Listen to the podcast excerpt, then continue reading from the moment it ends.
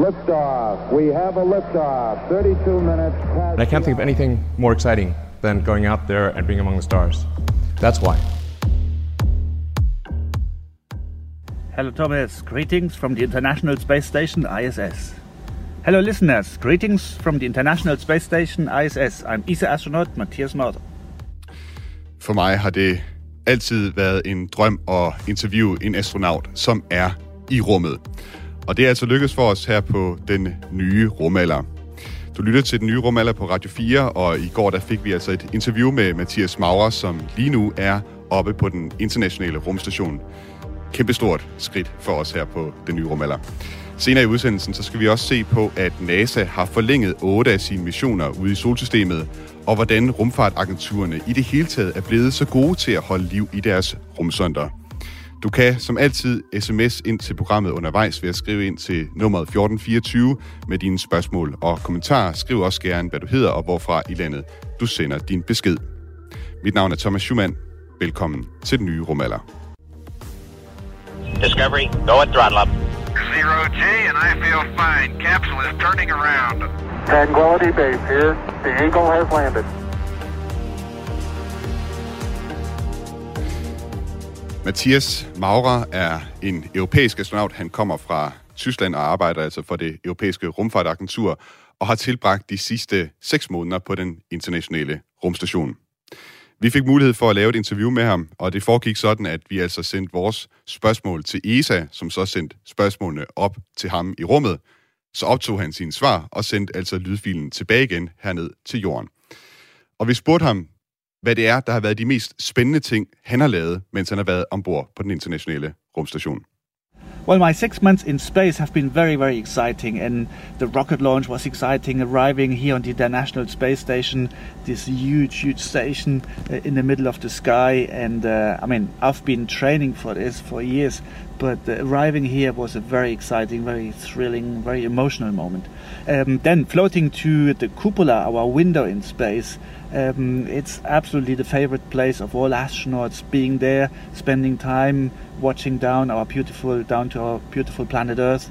Um, it's just the best place to be and to take it all in. And then uh, my spacewalk. The spacewalk was definitely another big, big highlight of my mission. Um, it is incredible to uh, like don a spacesuit and then stepping out into the vacuum, uh, working for several hours on the outside of the space station. And our uh, spacewalk wasn't that easy. Uh, we also had some difficult, difficult challenges to overcome, uh, some troubleshootings that we had to solve. But in the end, we were super successful, and it was just an outstanding, awesome day. Mathias øh, Maurer, han fremhæver altså rejsen op til den internationale rumstation ombord på en Crew Dragon rumkapsel, og så den tid, han har tilbragt, hvor han har været i øh, kupolaen, altså det her vindue, som astronauterne har, hvor de kan kigge ned på jorden. Og derudover, så synes han også, det har været en kæmpe stor oplevelse at være på rumvandring ude på ydersiden af rumstationen, hvor de havde lidt udfordringer, da de var derude. Vi spurgte også Mathias Maurer, hvordan det har påvirket stemningen og arbejdet på rumstationen, hvor der også er russiske kosmonauter ombord, og altså hvordan at Ruslands invasion af Ukraine og krigen i Europa har påvirket situationen op på rumstationen. Yeah, obviously, like uh, having the conflict, uh, the war in Ukraine, um, starting in the middle of our mission, had has had an impact on us. Um, like one of the examples is that uh, all our planned work together with the colleagues in Russia was being slowed down. Uh, uh, I lost, for example, a spacewalk that was planned together with a Russian colleague in the Orlan Zoo to activate the European robotic arm. But uh, it has not impacted our um, inner crew relationship. We are all good friends here, and my Russian cosmonaut colleagues are my dearest friends. They are as close to my heart um, than my American uh, crewmates, and so they're all wonderful people. Um, and I also believe nobody of us is in favor of what is going on currently in Ukraine. So we all are horrified and appalled by uh, all the cruel uh, things that happen on the ground, and we all wish for a, a very uh, fast, uh, peaceful solution to that. Mathias øh, Maurer fortæller, at øh, det har påvirket arbejdet op på rumstationen. Han gik blandt andet øh, glip af en rumvandring, han skulle have været på i den russiske Orlan-rumdragt, hvor de skulle have været ude og arbejde på den europæiske robotarm, som sidder uden på ydersiden af det russiske Nauka-modul. Men han siger så også samtidig, at besætningen, altså kosmonauterne, som han deler rumstation med, øh, de er lige så tæt øh, på ham, som de, hans amerikanske kolleger. De er lige så meget i hans hjerte, og de er lige så meget, hvad skal man sige, øh, øh, venner øh, på tværs op på rumstationen. Og så tænker han i det hele taget, at alle astronauterne op på, og for så vidt også kosmonauterne, lyder det som, på rumstationen, tænker, at det er forfærdeligt, det der foregår i Ukraine, og at de håber på, at det snart holder op. Vi spurgte også øh, Mathias Maurer om al den træning, som det kræver at blive astronaut, alle de år, det kræver, og så al den tid, han skal være adskilt fra, fra sin familie, om det også nu har været det hele værd. Being in space and having this large overview from outside of our planet is such an uh, incredible feeling. It's it's so enriching the experience of riding a rocket to space um, being far away and, and observing our planet um, every 90 minutes. Every 90 minutes we fly around, so I have 16 times a day uh, sunrise and sunset. It gives you a completely new perspective. Uh, also, the feeling of being weightless, uh, floating uh, like a bird or like a butterfly. It's um, a completely new experience for a human being, and I wish everyone could experience this one. Um, especially looking down to our planet Earth and, and taking it all in, seeing the beauty of it, but also seeing all the scars that humans leave on the surface of our planet by burning down our rainforest or extracting uh, minerals and, and leaving ugly scars on the surface of our planet. So, all this you can see in one glance from up here, and uh, I believe everyone who's been up here becomes immediately a really fervent ambassador for uh, climate protection and, and also for protection of our beautiful planet Earth. So, yes, the training was hard, but it was definitely worth every single moment of it. Ja, Mathias Maurer, som altså lige nu er oppe på den internationale rumstation, han siger her, at øh, det har været det hele værd, følelsen af at flyve rundt øh, i vægtløs tilstand som en øh, sommerfugl, siger han. Og så også det her med at kunne kigge ned på jorden og se dels, hvor smuk jorden er, men også al den ødelæggelse faktisk, som øh, han kan se op fra rumstationen, som mennesker foretager ved for eksempel at fælde regnskov øh, osv. Han mener, at øh, alle, der kommer i rummet, de øh, får altså en ny oplevelse af, hvad det vil sige, øh, hvad skal man sige, at være at være der for, for jorden, og hvor skrøbelig jorden og, og miljøet hernede er. Du kan høre hele det interview, jeg har lavet med Mathias Maurer i den nye Rumalders podcast feed og i Radio 4's app, hvor der ligger øh, en bonusepisode, hvor at hele interviewet øh, ligger. Det er sådan, at øh, Mathias Maurer øh, han fik øh, en europæisk kollega, der er på vej op til den internationale rumstation, Samantha Christofferetti, som skal afløse ham. Tak til ESA-astronaut Mathias Maurer for, at han altså stillede op til interview her på den nye rumalder. Many thanks. Have a good day. Nu kan jeg byde velkommen til mine to gæster i dagens udsendelse. Det er Morten Bo Madsen, lektor i astrofysik og planetforskning ved Københavns Universitet. Velkommen til. Tak skal du have. Og også velkommen til Christoffer Karoff, der er lektor på Institut for Fysik og Astronomi her ved Aarhus Universitet. Mange tak. Christoffer og Morten, I har begge to lyttet med til det interview, vi lavede her. Jeg kunne godt tænke mig at høre fra dig, Christoffer, først. Hvad bider du der fast i ved interviewet her med Mathias Maurer? Altså, det er jo altid dejligt at, at kunne opleve den her fascination ved, ved rummet, som han jo tydeligvis giver udtryk for. Det er jo også derfor, at vi andre, vi arbejder med det. Det er jo på grund af den her fascination, så, så det, er jo, det er jo rigtig dejligt. Og så vil jeg sige til, til sagen med, med Rusland og Ukraine, altså en forfærdelse og, og også en stor irritation over, at det her påvirker vores videnskab og det, vi laver. Øh, og, og det er noget, vi kan, vi kan genkende her. Og netop, at, at vi har russiske kollegaer, som vi har arbejdet sammen med i mange år, øh, som vi jo rigtig godt kan lide, og som ikke bliver dårligere mennesker af det, der, der, der sker i, øh, i Ukraine. Og, og, men vi må ikke samarbejde med dem længere. Øh, og vi ved dog, at mange af dem jo faktisk prøver at komme væk fra Rusland lige nu. Hvem er det, der siger, at de ikke må samarbejde med dem? Har du fået nogle ordre op fra? Ja. Hvem er det, der giver de ordre? Øh, det kommer fra, fra, fra Uddannelse- og mm. Forskningsministeriet, at okay. vi skal, og så ned igennem, så, så jeg får ordren fra universitetet af, ja, ja. at vi skal stoppe alt samarbejde med, med Rusland. Ja. Morten Bo Madsen, hvad hæfter du der ved interviewet her? Det er også øh, det samarbejde, som Mathias Mauer han, øh, taler om her, og hvordan det her på, altså, samarbejdet med de russiske kosmonauter, og hvordan krigen i Ukraine har påvirket samarbejdet i rummet. Ja, altså det, jeg er ikke direkte berørt af det, fordi lige på den mission, jeg arbejder på nu, har vi ikke russere ombord. Øh, ikke så vidt jeg ved i hvert fald. Så det er ikke noget, der, der direkte påvirker mig. Men en ting, der glæder mig, det er, at man kan opretholde de her venskaber. Jeg har også venner i Rusland, og jeg har ikke hørt fra dem længe. Og det er, det er forfærdeligt, hvad der sker, og, og at, at vi ikke rigtig kan samarbejde. Jeg tror, private kontakter vil nok være tilladt, men øh, de kan være lidt svære at få fat i. This is Casey Dreyer. I'm the Senior Space Policy Advisor at the Planetary Society and its Chief Advocate. And you're listening to Die New Romella by Thomas Schumann. Ja, du lytter til den nye rumalder, du kan som sagt sms ind undervejs, hvis du har en øh, kommentar eller et spørgsmål til øh, os, øh, der altså sender i dag. Min gæster i dag er Morten Bo Madsen fra Københavns Universitet og Christoffer Karoff fra Aarhus Universitet, altså henholdsvis lektor på øh, lektor i astrofysik og planetforskning ved Københavns Universitet og lektor på Institut for Fysik og Astronomi ved Aarhus Universitet. Nu øh, skal det handle om noget lidt andet end øh, ESA-astronauter, nemlig om, at rummet er farligt og at rumfart er ekstremt svært. Igennem rumfartens historie der er der rigtig mange rumsonder, som enten er sprunget i luften, er styrtet ned, eller simpelthen bare forsvundet ud i verdensrummets mørke. Men måske så glemmer vi nogle gange, at rumfartagenturerne faktisk er blevet rigtig dygtige til at holde deres rumsonder i live.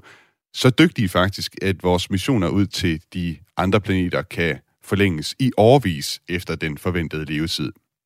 Mandag meldte det amerikanske rumfartagentur NASA, at man har valgt at forlænge missionerne for otte af deres rumsonder, der enten flyver rundt ude i solsystemet eller er på planeten Mars. Det drejer sig blandt andet om Mars-robotten Curiosity, New Horizons, som besøgte Pluto og som lige nu fiser afsted med retning ud af solsystemet, og rumsonden OSIRIS-REx, som har besøgt en lille asteroide kaldet Bennu, og som nu skal videre til en, en anden asteroide. Christoffer Karoff, hvilken af mission er du gladest for at se NASA forlænge? Øh, der har jeg faktisk ikke så direkte samarbejde med de NASA-missioner der, fordi jeg jo primært arbejder med øh, med stjerner og solen, og så, så hvad hedder det, observationer af jorden. Så selve planetmissionerne i, i solsystemet er det ikke nogen, jeg arbejder, arbejder direkte sammen med. Men fra europæisk side har vi jo det tilsvarende, hvor, hvor de europæiske missioner også mm. bliver forlænget, og der øh, den mission, jeg har arbejdet mest med, er Soho-missionen, mm. som, som også er blevet forlænget for nogle år siden. Så. Du har faktisk en t-shirt på i dag, som, øh, hvad skal man sige, har noget at gøre med Soho-missionen. Det er, hvad du lige vil forklare for lytterne, hvad det er for en t-shirt, du har på. Ja, så da jeg fik at vide, at jeg skulle ind, så, så fandt jeg min, øh, min t-shirt, der er nu et par år gammel, som, som vi fik i forbindelse med 25 års jubilæet for Soho, som vi havde for et par år siden. Så den blev sendt op i, i december 95, og kunne altså fejre 25 års jubilæum for, for, for et par år siden. Og det er altså noget af en, af en bedrift for, for, for en, en mission, der, der ligger så langt væk, at, at den kan vi ikke lave service-missioner øh, til, som vi kunne med Hubble. Så den har altså klaret sig selv, øh, mere eller mindre. Vi dykker ned i øh, Soho-missionen også øh, lidt senere, men øh, Morten Bo Madsen, øh, da jeg kiggede på den her liste over forlængede missioner, så var der en del øh, missioner, faktisk øh, fem af missionerne, som øh, har at gøre med Mars. Og du forsker jo primært i planeten Mars, og du har bidraget til, til at medvirke på øh, nærmest alle af de seneste missioner, som NASA har landet på Mars. Det er som sagt øh, fem missioner, NASA her forlænger øh, på, øh, der, der enten flyver rundt om Mars, eller som kører rundt ned på Mars' overflade. Hvilken af de her missioner er du gladest for at se for øh, længere levetid? Jeg er faktisk rigtig glad for dem alle sammen. Og det, er, at det at forlænge dem er så rørende billigt i forhold til, hvad man har investeret i at få dem sendt afsted. Så det vil være, så længe de holder, vil det være fuldstændig vanvittigt ikke at forlænge dem. Og de giver faktisk videnskabelige resultater alle sammen. Lige nu arbejder jeg på Perseverance, og jeg, jeg tjekkede lige, om der er nogle af de her missioner, vi ikke får data fra, og det er der ikke. Vi får dagligt data fra både Mars Odyssey, Mars Reconnaissance Orbiter og MAVEN, som er de tre kredsløbssonder, der er blevet forlænget. Den ældste den er helt fra 2001. Og vi får også data fra Mars Express, som blev sendt afsted i 2003, der ankom i 2003. Og også fra øh, Trace Gas Orbiter, som også er en ESA-mission. Så øh, vi, det, på NASA-missionerne, der lægger vi an på at få data både for Curiosity, Insight og Perseverance fra de her kredsløbssonder. Og hvis det ikke rækker, eller hvis vi har brug for mere data, så trækker vi også på Mars Express og øh, øh, hvad hedder den, øh, trace gas orbiter fra Mm. ESA. Så øh, det, så længe også øh, missionerne giver videnskabelige resultater, så er det faktisk ikke ret dyrt at holde dem gående. Specielt ikke kredsløbssonder, fordi de kræver ikke den store øh, vedligeholdelse. Det er ikke et meget stort hold af ingeniører, der står og passer dem. Det er værre med sådan noget som Curiosity og Insight, hvor der faktisk laves aktiviteter hver dag. Og jeg skal lige sige, Insight, den kører ikke rundt, den står stille. Mm. Øh, og Curiosity har, en, den har plutonium som energikilde, så den kan vare indtil den energikilde går i stykker. Insight, den har solpaneler, og der er et, problem med, at de støver til med tiden, så det vil nok øh, begrænse dens øh, endelige levetid. Og det er også det, de siger i forlængelsen, at det kan være, den slutter før øh, den forlænget forløbet, jeg tror det er slutningen af to, 2022. Mm. Og øh, vi ved ikke, hvor længe den holder, Ja. den støver til det efter lidt. Morten Bo Madsen, da vi, da vi øh, her på redaktionen læste den her nyhed om, at øh, NASA forlænger de her otte missioner, så tænkte vi, det er jo, det er jo egentlig noget af en bedrift, og du er også inde på det, Christoffer Karf. Det er jo også noget, som ESA gør øh, jævnligt, det her med at forlænge. At det lader til, at rumfartagenturerne faktisk er ret dygtige til det her med at bygge noget isenkram, som altså kan holde i, i rigtig mange år. Men rumfart er jo svært, og øh, nogle gange, øh, men nogle gange så får rumfartagenturerne her altså til, det er nærmest til at se helt let ud, kan man sige, når det er, at de kan have missioner, der for, altså, ligesom fortsætter i, i årvis. Øh, Morten Bo Madsen, der er jo blandt andet været nogle af de her robotbiler, som NASA har landet på Mars, som har været i stand til at holde i gud ved hvor lang tid, og har, har rejst nogle af de, øh, altså kørt rundt på, på Mars i nogle af de længste distancer, eller hvis nok, de har, de har simpelthen rekorderne op på Mars for, hvor, hvor langt man har kørt rundt op.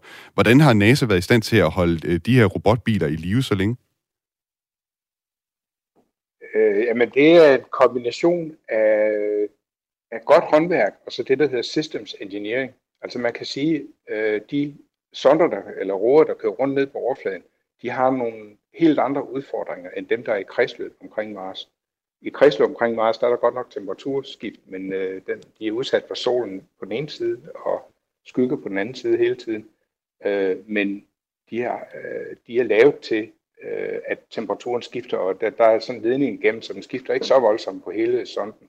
Mens nede på overfladen, der er man underlagt det miljø, der er på overfladen af Mars, og der skifter temperaturen op til 100 grader, typisk cirka 90 grader mellem dag og nat, hver dag. Og det betyder, at alt, hvad man har limet sammen, det er udsat for spændinger øh, hver eneste dag, og nogle øh, limninger falder simpelthen fra hinanden, og det kan vi se på nogle af de her roer, når det er efterhånden, som de bliver gamle, at der er ting, der begynder at løsne sig. Øh, og der er selvfølgelig også ting, der går i stykker. Øh, nu, nu nævnte du øh, dem, der har kørt rigtig længe. Det var, det var Spirit Opportunity, dem der hedder Mars Exploration Rovers. De landede i, øh, i januar 2004, og øh, Spirit forblev aktiv på overfladen i seks år. Mhm. Til vores store overraskelse, fordi den er forsynet, dens energiforsyning af solpaneler. Og det, der, der havde ingeniørerne regnet med, at den ville nok holde tre måneder. Okay. Øh, men det viser sig, når man kører rundt med den, så ryster den lidt, og så kommer der nogle vindpust, og en gang imellem en støvtornado, der øh, renser noget af støvet af solpanelerne, og så kan den altså blive ved i længere tid. Øh, vi har også gjort det med Spirit, at vi har hældt den, øh, sådan så vi har overvintret i øh, en, en, øh, en position, hvor den hælder 15 grader mod nord, og det gjorde, at den kunne overleve vinteren, selvom solen stod lavt. Øh, og så har vi bare stået stille og taget billeder, indtil det blev øh, varmere, og vi kunne køre videre igen. Øh, Opportunity, den holdt så 14 år øh, på samme måde. Det var lidt lettere, fordi den var tættere på ekvator. Det, er jo- det er jo helt vildt, og øh, jeg kan også huske, at da Opportunity så endelig øh, på et tidspunkt måtte bukke under på grund af en støvstorm på Mars, så øh, folk havde jo, var simpelthen blevet, blevet så glade for den mission, at der jo at øh, de, de lavede jo alt muligt på sociale medier og sådan noget med rest in peace opportunity og sådan noget, ikke? Altså som om det var en eller anden uh, celebrity, en, en kendt person, uh, der var død, ikke? Uh, da den så endelig bukkede under, for, fordi den ikke kunne få nok strøm til sine uh, solpaneler. Uh, Christoffer Karoff, uh, du var inde på Soho-missionen her, som altså blev opsendt tilbage i 1995, har altså rigtig mange år på banen efterhånden, og er forløbet blevet forlænget til 2025, 2025 som altså også er dens uh, forlængede levetid. Udover at den her øh, rumsonde, den studerer solen, så har Soho også opdaget over 4.000 kometer i sin levetid. Jeg kan lige sige, Soho, det står altså for Solar and Heliospheric Observatory, altså en sonde, som studerer solen primært. Hvordan har man været i stand til at holde Soho i live helt siden 1995? Jeg tænker, det også det må være et barsk miljø, den opholder sig i. Øh, ja, bestemt. Og, øh, altså, og igen, som, som Morten siger, så handler det jo om, om, om godt håndværk. Øh, og måske også en, en smule held, at man havde valgt de, de rigtige komponenter. Øh, så, så Soho bliver styret af, af sådan nogle momenthjul, øh, Momenthjul, som, ja. som drejer meget hurtigt rundt, og på den måde genererer en, en kraft, der kan være med til at sørge for, at den peger mod solen. Og da man byggede Soho, der var man måske lidt heldig at vælge de rigtige fabrikanter af momenthjul, for det er i hvert fald dem, der holder. Okay. Der, der, og nu skal jeg ikke fortælle, hvem firmaen er, men der er et andet firma, som også laver momenthjul, øh, og, og, de viste sig så ikke at holde. Øh, så, så der var to satellitter, en, øh, en mission der hedder Hayabusa, som, som, hvor momenthjulene gik i stykker, og Kepler-missionen, som, som der er rigtig mange danskere, der har arbejdet på, hvor momenthjulene også gik i stykker. Og man kan sige, jamen, øh, vi havde jo ikke, altså, da, da, da vi byggede og designede Kepler, vidste vi jo ikke, at de her momenthjul ikke kunne holde. Øh, havde vi vidst det, så havde vi selvfølgelig puttet nogle andre i. Øh, og det, det er jo fordi, det tager 10 år at teste, eller 25 år i, øh, i, øh, i Sohos tilfælde. Så hvis man skal sende øh, store satellitter op i dag, så, så skulle man overveje at, at bruge de her momenthjul. Som Så man var simpelthen heldig med Soho, at man lige havde valgt den rigtige leverandør her, og så er det altså bare nogle momenthjul, som holder i år efter år efter som år. åbenbart ikke har problemer med at køre i, øh, i, i 25 år. Okay. Øh, altså, så er der jo andre problemer. Altså, en af dem er, er stråling. Altså, øh, hvad hedder det? Ioniseret stråling fra, fra solen af. Og det har også været ved at slå Soho ihjel et par gange, mm. men det har den altså, har altså klaret sig. Og, og der har vi jo lidt været, været heldige ved, at, at, at øh, solen har ikke haft sådan helt, helt store udbrud i den her periode. Den havde nogen i, i 2003, som netop var ved at slå Soho ihjel, men ellers har vi været forskånet for de helt store udbrud. Øh, så, så det har sådan set hjulpet os. De kommer i sådan en periode, at solen har den her 11-årige cyklus, mm. øh, hvor, hvor der mellem vores mellemrum mange, og så ikke så mange. Og det er også en af grundene til, at det har været så vanvittigt værdifuldt, at, at Soho har kunne holde sig lang tid. Mm. Det er fordi, vi har gerne studere fænomener, der foregår på en tidsskala af 10 år. Øh, og det er ret træls med, har været ret træls med de tidligere satellitter, for de har gerne overlevet sådan 8-10 år eller sådan noget. Så har man lige kunne nå næsten at få de 10 år, men man har ikke kunne sammenligne to perioder. Mm. Nu har vi altså snart øh, data for tre cykler med cyklus, solcykluser med, med Soho, og det er vanvittigt. Altså, så godt et datasæt får vi ikke i min livstid igen. Morten Bomas, det kunne jeg også godt tænke mig at høre fra dig om. Det må også have været vanvittigt værdifuldt, at de her robotbiler, de har kunne køre rundt på Mars i så lang tid. Hvad er det givet forskningen, at man øh, har haft den til at kunne køre rundt så længe? Jamen, det har jo gjort det, at man har kunne øh, nå nogle steder. For eksempel for Spirits vedkommende. Øh, den landede i et 300 km stort krater. Og øh, der var landingslipsen lagt sådan, så den, den lå sikkert nede i krateret, uden at man ramte nogle, øh, nogle øh, farlige steder. Og så viste det sig, at øh, Spirit landede så tæt på, som man kunne kravle op i øh, nogle bakker, der lå lige, temmelig præcist midt i krateret. Og det viste sig at være, at når krater har sådan en størrelse, så dannes der, under dannelsen af krater, så dannes der noget, der hedder en central uplift. Og de bakker, der lå midt i, det viste sig at være øh, resterne af sådan en. Og da vi kunne køre derhen, der kunne vi se, at der var revner i undergrunden, hvor der var øh, spor af tidligere vulkansk aktivitet. Øh, og det var noget, man ikke havde regnet med. Det tog øh, mere end tre måneder at køre derhen. Og så kom vi, øh, fik mulighed for at køre op, af, af, op i bakkerne der, hvor vi så fik øje på noget, som øh, lignede sådan en øh, øh, homebase, homeplate blev den kaldt, fra, fra baseball, amerikansk baseball.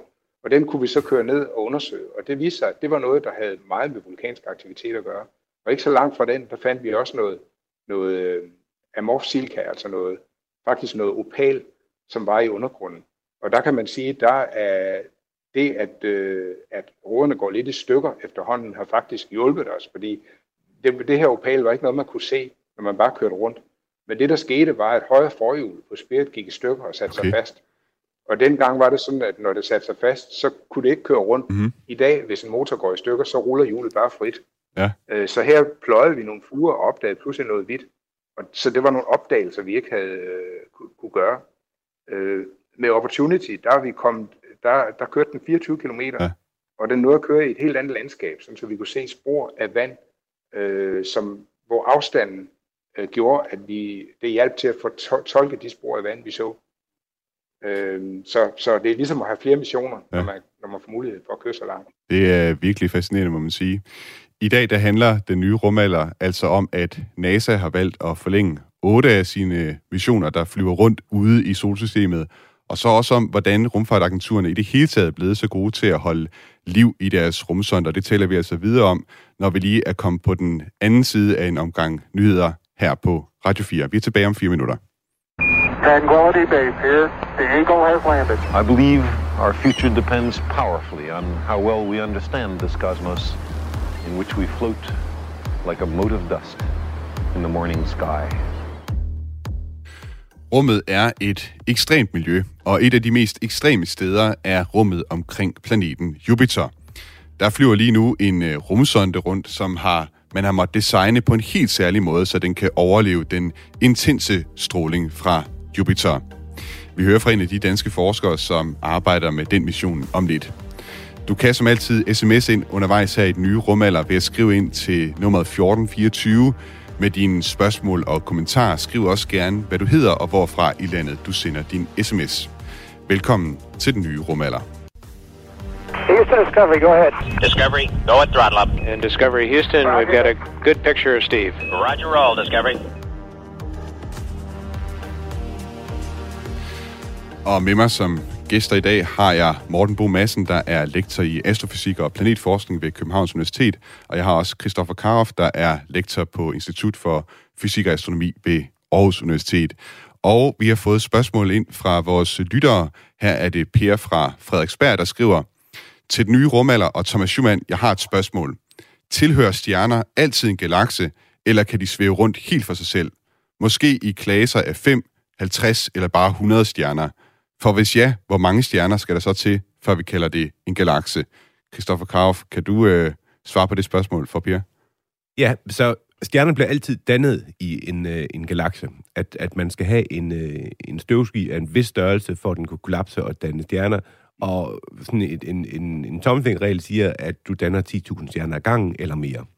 Øh, men så kan de jo godt blive skudt ud af, af sådan nogle galakser. Så du kan godt have stjerner, der er blevet skudt ud af en galakse, og derfor bevæger sig øh, rundt mellem, mellem de her galakser. Hvordan bliver de skudt ud af en galakse? Altså simpelthen ved, at, at altså, stjernen bevæger sig jo rundt i galaksen, ja. øh, og hvis de nu kommer for tæt på, på en af de andre stjerner, så kommer der det her gravitational pull, som vi taler om, som, som kan Sådan en tyngdekraften, der slynger af. tyngdekraften, der slynger dem Okay. okay. i, ud i en tilfældig retning, ja. og så kan, de, øh, så kan de blive skudt ud. Øhm, og så kan vi ikke se dem. Nej. Så, så, så hvad kan man sige, der, der findes stjerner ude mellem galakserne, men vi kan ikke se dem, og, og jeg mindes ikke lige at have set nogen studier om, hvor mange det egentlig øh, skulle være. Så taler vi jo om, om stjernehober også, som jo så ikke er galakser. Øh, og der har man øh, de to stjernehobe eller galakser, der ligger tættest på os, de magellanske skyer, de ligger så på den sydlige halvkugle, så vi kan ikke se dem fra Danmark af. De er jo sådan lige på grænsen mellem, og, og, om de er stjernehobe, altså nogen, der bare er dannet samtidig og så bevæger sig ud af en galakse, eller de faktisk er sådan selvstændige øh, galakser. Øh, men, men, men man skal et stykke over fem, før man kan kalde noget en stjernehob. Mm. Og øh, nogle gange så kommer jeg selv til at tænke på sådan, hvis nu jorden var i kredsløb om en, en stjerne, som lå ude, altså var blevet, blevet slynget ud, ikke? Hvor vildt Ja. det ikke vil være, og hvad man måske ville kunne se, hvis man øh, kiggede på, på nattehimlen, hvis man, hvis man var kreds om sådan en stjerne, der kunne kigge ned på en galakse eller noget i den stil. Det er rigtigt. Ja. Altså, de øh, astronomer, øh, som arbejder på meget store skala, altså for eksempel med kosmologi og sådan noget, øh, de øh, er rigtig trætte af, at vi befinder os lige midt i Mælkevejen, fordi det er så svært at se igennem ja. Mælkevejen. Øh, så, så de kunne helt sikkert godt ønske sig uden for Mælkevejen. Ja. Vi er simpelthen lige inde midt i pandekagen, så at sige. Lige præcis. Ja. Vi har et spørgsmål her også fra vores øh, lytter Claus, som jeg tænker, Morten Bomassen, du øh, kan, være, øh, kan svare på. Clausen spørger, udvikles der teknologi til at fjerne støv fra solpanelerne på Mars rover? Her kunne støvfiltre og trykløft være en mulighed. Hvad siger du, Morten Bomassen? Bliver der udviklet den slags teknologi? Øhm, ja, det, jeg bliver tit spurgt om, hvorfor man ikke bare øh, øh, forsyner de her solpaneler med en slags vinduesvisker eller sådan noget, der lige kan tørre det af. Øh, og problemet ved det er, at hvis sådan en sætter sig fast, så mister man hele det solpanel, den skal dække, og det er en yderligere komplikation. Så det her med at tørre dem af, det, det gør man altså ikke. Det er simpelthen for risikabelt. Øh, men noget med trykluft, øh, der kan jeg fortælle, at øh, man bruger det ikke til solceller, det er for diffust, og det har vist sig, at solcellerne de virker faktisk, så længe man bevæger sig, så virker de bedre, end man havde troet. Mhm. Øh, men vi har trykluft med, vi har en lille smule kvælstof med, med Perseverance. Sådan så når vi, skal, når vi har slebet en sten, så kan vi faktisk puste slibestøvet væk for at undersøge det område, vi har slebet rent. Og det gør vi for at kunne kigge ind i stenen, fjerne vandnedbrydningsprodukter fra overfladen, og så kigge ind i stenen. Og der har vi en hel masse værktøjer. Både nogle mikroskoper og nogle øh, kemiske analyseværktøjer. Blandt andet noget, der, er, øh, der har meget store bidrag fra DTU Space. Øh, så vi bruger trykluft, men ikke til større flader. Jeg ved, hvis man har øh, set filmen The Martian, som altså handler om en astronaut, der er strandet op på Mars, så skal han her til ud med et eller andet sådan trykluftting og lige øh, feje støvet af solpanelerne, så han kan holde sig i live deroppe.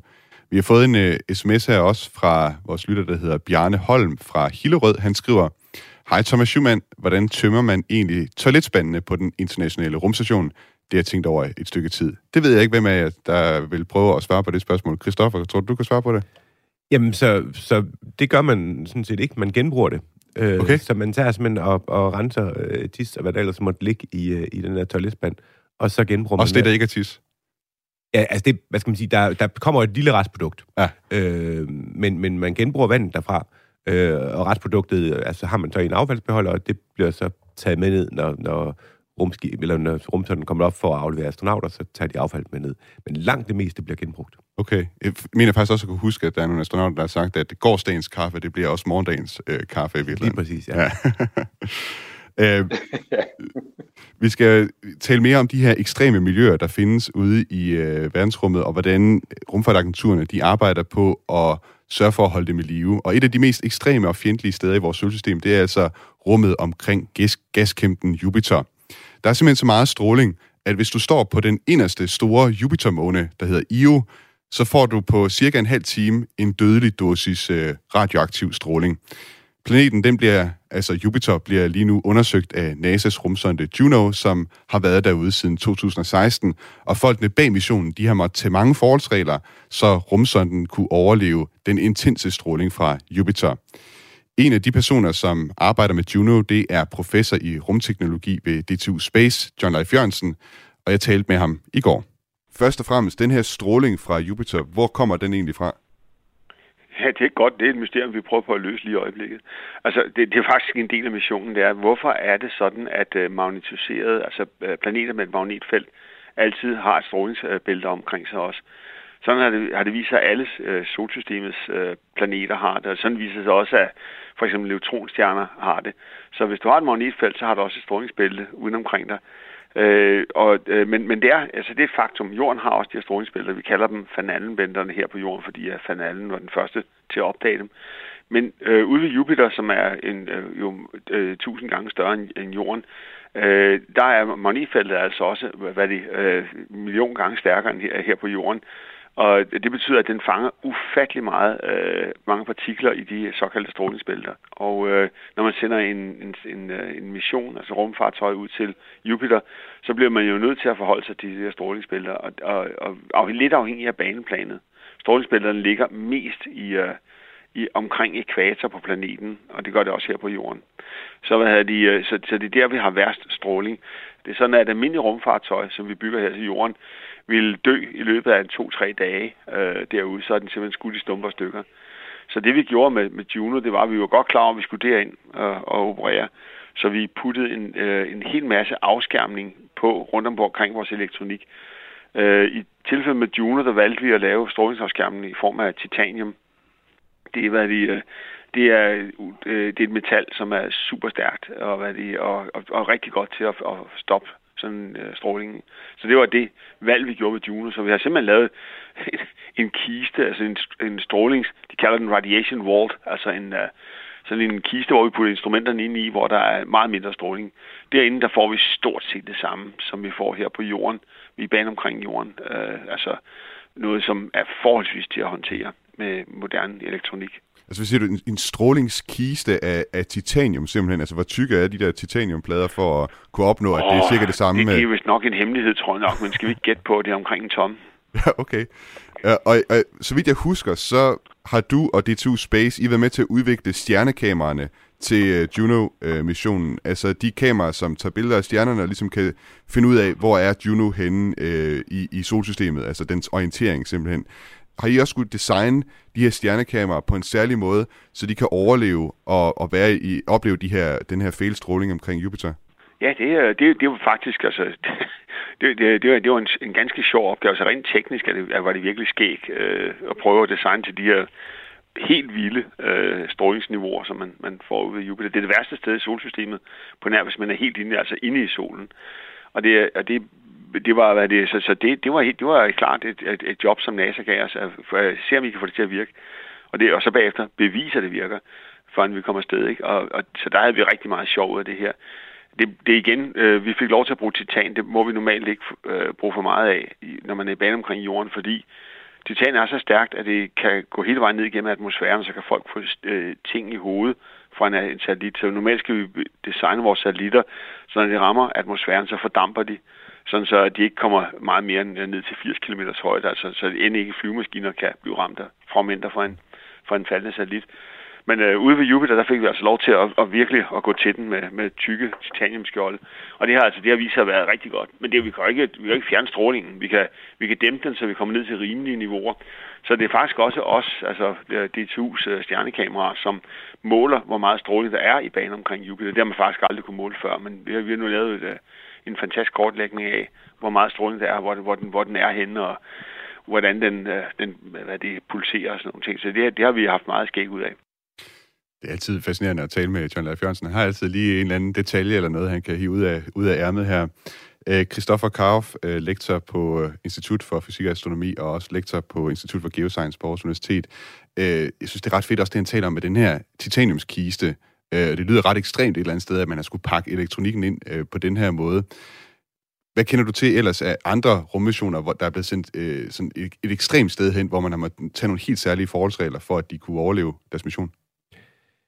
Ja, altså, øh, lige nu har vi jo Solar Orbiter, som, som han jo vist nok næsten refererer til, ja. befinder sig inde i solen, og som har fuldstændig uh, tilsvarende problemer. Pa- Parker Solar Orbiter går ud fra Ja, den, præcis, altså ja. NASA's mission, der kommer Ja. ja. virkelig, virkelig tæt på solen. Præcis. Ja. Øh, eller, ja. Øh, så, så, så den har tilsvarende problemer. Et andet problem, som, som man støder på, øh, er jo, hvis man for eksempel vil observere ved, øh, ved lange bølgelængder, altså infrarødt lys og sådan noget, ligesom James Webb skal, øh, så er man nødt til at køle sine instrumenter betydeligt ned. Øh, og så skal man jo altså medbringe noget kølevæske. Ja. Øh, så, så, og det er også en begrænsende faktor for rigtig mange missioner, og vil højst sandsynligt også være en begrænsende faktor for James Webb-teleskopet, det er, at på et eller andet tidspunkt, så slipper man øh, så slipper det her kølevæske op, og så kan man ikke længere øh, køle sine instrumenter ned, så de er så følsomme, som de skal være. Er det fordi, det er lækker, eller hvordan? hvordan... Ja, man bruger det, man, altså, okay. Bruger det, man bruger det hele tiden Ja. til at køle ned med, og Okay. så øh, på et tidspunkt, så er det jo blevet varmet op, så at Ja. sige, så, så, og så kan man ikke køle med Og så instrumenterne. duer teleskopet simpelthen ikke mere. Øh, Øh, altså teleskop, det er detektoren, der, der, der er problemet med. Øh, og nogle gange duer de ikke, andre gange, så bliver de meget mindre følsomme, end de var til at starte med. okay. Morten øh, Bo Madsen, altså lektor i astrofysik og planetforskning ved Københavns Universitet. Er I nogensinde blevet overrasket over ting på Mars, som har vist sig at være farlige for jeres robotter deroppe, men som I ikke var opmærksom på i forvejen? Øh, uh, jeg ved ikke, om det er noget, vi ikke har været opmærksom på, men øh, jeg kan nævne med det her med stråling, at øh, øh, plutoniumkilderne, både Curiosity og Perseverance-roveren, de øh, stråler så kraftigt, så det har skadet de, øh, der sidder sådan nogle hazard avoidance kameraer, både foran og bag ved roveren, og dem, der sidder bagpå, de sidder så tæt ved kilden, så øh, de får flere og flere pixler, der ikke dur Okay. på grund af strålingen. Og når du siger er plutoniumkilden, så er det altså den, den klump plutonium, som robotten har med for ligesom at, at, at, få strøm simpelthen. Ja, det er dens energigenerator. Ikke? Der, sidder, der sidder noget plutoniumoxid, som henfalder og producerer varme, og det bliver så omsat til en, øh, en spænding, som man kan trække strøm fra. Mm. Så, øh, den, øh, og den giver så meget varme, så hvis øh, når, når øh, Curiosity eller Perseverance ankommer til et nyt sted, så kan vi måle, hvordan øh, den underliggende overflade, altså øh, Marsjorden, bliver varmet op. Okay. Og når vi forlader den et døgn senere, så er den typisk 70 grader varmere, end da vi kom. Hold op. Øh, Så den stråler altså en masse varme øh, fra sig, den her, den her kilde. Og den, øh, vi har også kunne se nogle af kameraerne, der, der får små fejl i, i deres lysfølsomme elementer, deres CCD'er, hvor nogle af pixlerne simpelthen bliver ødelagt af stråling på vej derud. Og det kompenserer vi så for, at vi måler ret, ret grundigt på kameraerne, lige så snart vi er landet. Og så laver vi nogle algoritmer, der kan tage de pixler ud, der ikke længere duer. Mm det kommer til at tænke på, jeg synes hver gang du, du siger noget her, Morten Bo Madsen, så kommer jeg igen til at tænke på den der film øh, The Martian, fordi der er de der plutoniumskilder, og, og varmen fra plutoniumskilderne øh, er også noget, der er en del af, af plottet der, fordi astronauten øh, i fortællingen, han øh, begynder at få det lidt koldt på et tidspunkt, og så skal han altså finde sig en anden form for kilde til varme, og der bruger han altså sådan en plutoniumskilde til at holde sin, øh, sin rover øh, varm. Og så en anden ting, øh, jeg mener, John Leif Jørgensen, han nævnte også, at de bruger simpelthen de der stjernekameraer til også at måle strålingen omkring øh, Jupiter. Og så vidt jeg husker, jeg ved ikke helt, om det er rigtigt, men så vidt jeg husker, så har det nemlig også noget at gøre med de her døde pixels, som du taler om. Altså, at strålingen fra Jupiter simpelthen går ind og ødelægger de pixels, øh, som, som de stjernekameraer, de øh, tager deres øh, billeder med. Juno-missionen, den varede øh, oprindeligt fem år, men er altså også en af de her missioner, som øh, har oplevet at blive forlænget. Den er blevet forlænget frem til 2025. Og jeg spurgte John Leif Jørgensen, hvad der pot- potentielt kan gøre en utidig ende på Juno-missionen.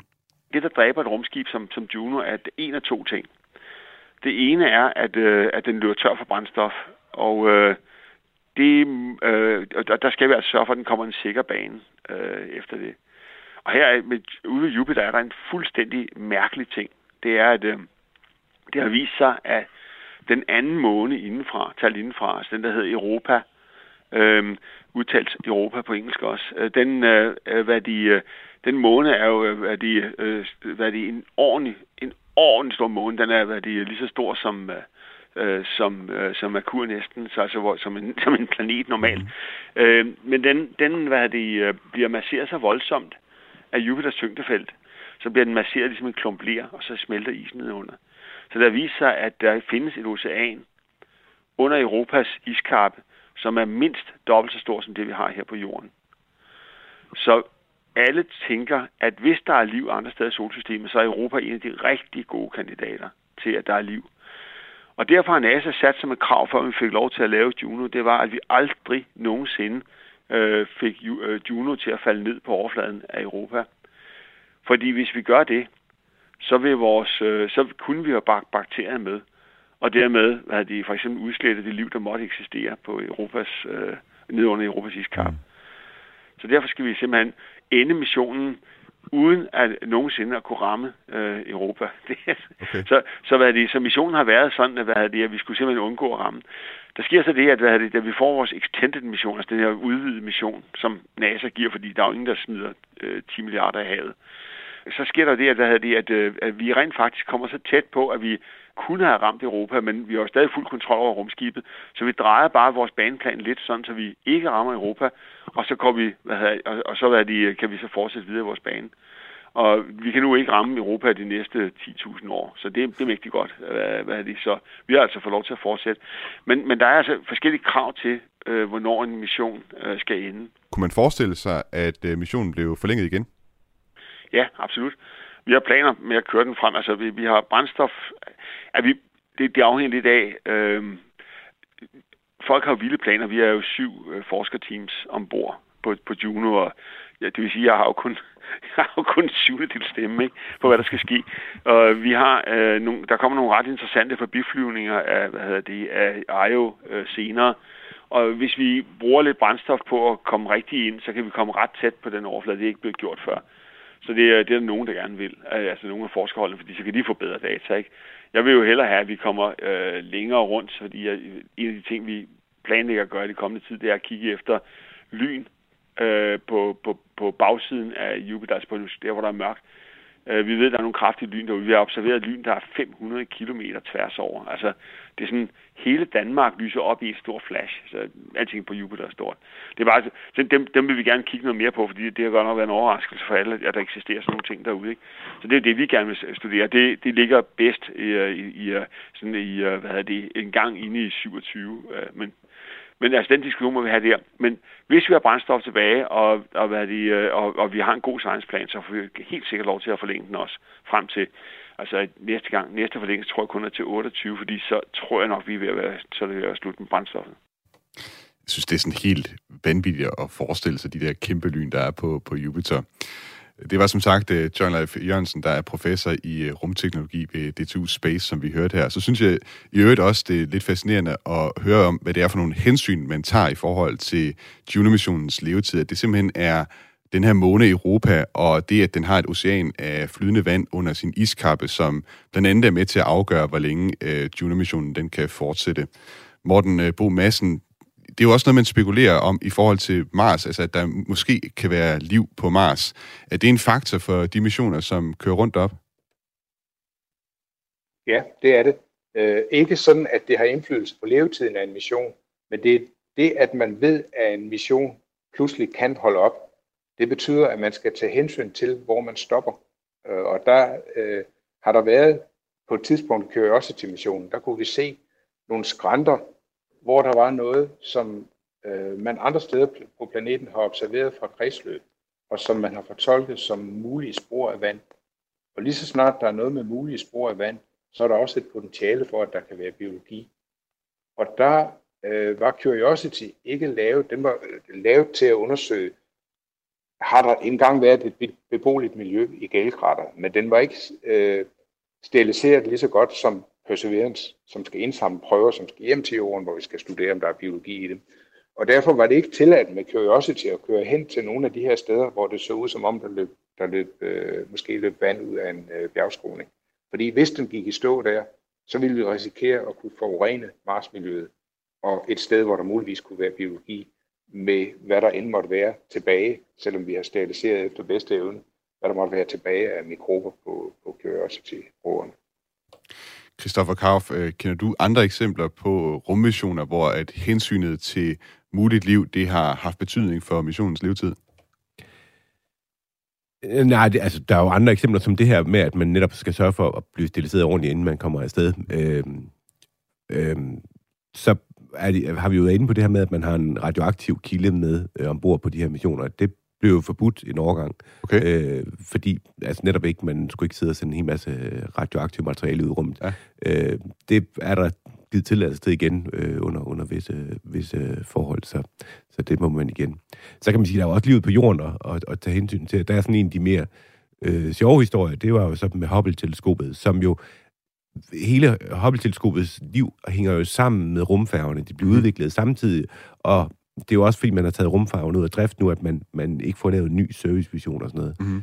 Øhm, og så var der jo nogen, der begyndte at snakke om, at den har været så vigtig, den her, det her teleskop, at skulle vi ikke hente det ned og, ja. og udstille det, sådan at man kunne komme ud og se øh, det her utrolig vigtige teleskop. Men der sagde astronauterne, at øh, de var astronauter, de var ikke skraldmænd. Så de skulle altså ikke øh, risikere deres liv ved at skulle op og hente et stykke rumskrot ja. ned ja. Til, til jorden, for at vi kunne udstille det. Så, så der var der andet hensyn at tage. Okay. Jeg kunne til at tænke på det, du sagde med, med sterilisering også, altså når man sender sådan en øh, mission ud, hvordan, hvordan det egentlig foregår. Er det øh, med, med sprit, ligesom vi har brugt under, hvad hedder det, corona, eller, eller har rumfartagenturerne ligesom andre midler i brug, når det er, de steriliserer sådan noget her? Det tror jeg, Morten ved mere om, men, ja. men der tror jeg, man tager noget stråling i brug og, øh, og så videre, men det ved øh, Morten nok mere om. Ja, Morten, kan du måske svare ja, det gør man også. Det afhænger, det afhænger lidt af materialerne. Men øh, jeg kan fortælle, at vikingsonderne, der blev sendt ud i 70'erne for at studere biologi, de blev simpelthen fuldstændig autoklaveret.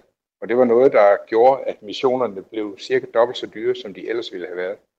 Øh, og en autoklavering er noget, man bruger på hospitaler for at øh, sterilisere øh, hospitalsinstrumenter. Helt så grundigt gør man ikke med, øh, med, øh, med billigere missioner, men Perseverance er efter sine, den, den, dens prøvehåndteringssystem, hvor den skal håndtere de prøver, som skal bringes hjem til jorden, det er efter sine det reneste, der nogensinde er sendt ud i rummet. Øh, det er bygget på JPL, og de har øh, gjort rigtig meget ud af at sikre, at der ikke er øh, spor af jordiske mikrober i det. Og en af de ting, man gør, når man normalt gør rent, det er, når vi øh, har dele, vi samler, vi har leveret noget, noget småhardware til Perseverance, og der renser vi øh, mm. de elementer i først acetone, hvis de kan tåle det, mm. og så øh, i isopropylalkohol, det gør vi i et øh, ultralydsbad, så alle små partikler bliver rystet løs. Og det bliver så gjort flere gange i træk i en mm. vis periode, og så får det lov at tørre ved øh, så høj temperatur, som det nu kan, kan tåle. Og metaller og keramiske elementer, det kan typisk tåle nogle 100 grader. Mm. Så det er sterilt, når, vi, øh, når det har været udsat for den behandling.